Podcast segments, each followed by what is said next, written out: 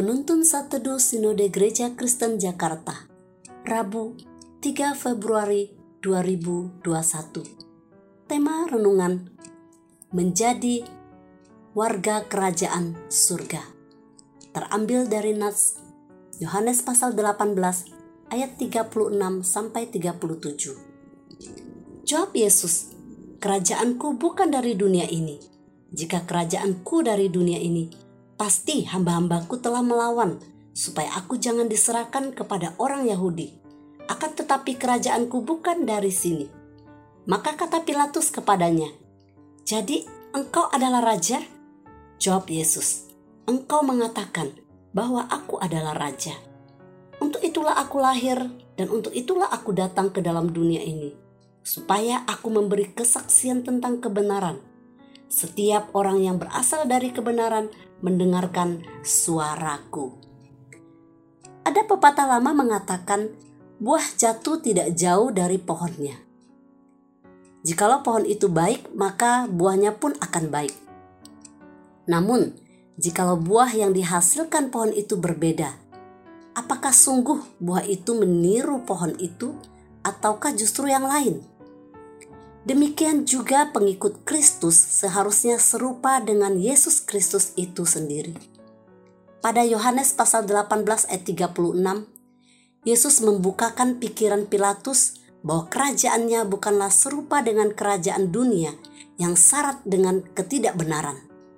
Dia datang ke dunia untuk membawa kebenaran, sehingga barang siapa percaya kepadanya tidak lagi binasa Pertanyaan yang berulang-ulang diutarakan Pilatus menunjukkan bahwa ia tahu bahwa Yesus adalah kebenaran.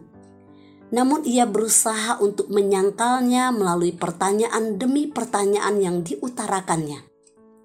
Yohanes pasal 18 ayat 37 juga memaparkan dengan jelas maksud dan tujuan kedatangan Yesus ke dunia dan siapa yang layak menjadi warga kerajaan surga. Orang yang menjadi bagian dalam kerajaan surga hanyalah orang yang mendengarkan Yesus. Hal ini tidak ditanggapi secara serius oleh Pilatus dengan tidak memandang kebenaran yang dinyatakan langsung oleh Yesus sebagai sebuah kebenaran yang layak dipertahankannya. Dia lebih memilih kenyamanan dunia dibandingkan menjadi warga kerajaan surga. Namun, di sisi lain, Pilatus kehilangan kesempatan untuk masa depan yang cerah bersama Yesus Kristus di dalam kekekalan. Marilah kita mensyukuri anugerah Tuhan yang menjadikan kita warga kerajaannya dengan hidup berjalan seturut dengan kebenaran firman-Nya. Setiap hari kita mempraktikkan gaya hidup yang menyangkal diri, memikul salib Kristus, dan mengikut Kristus.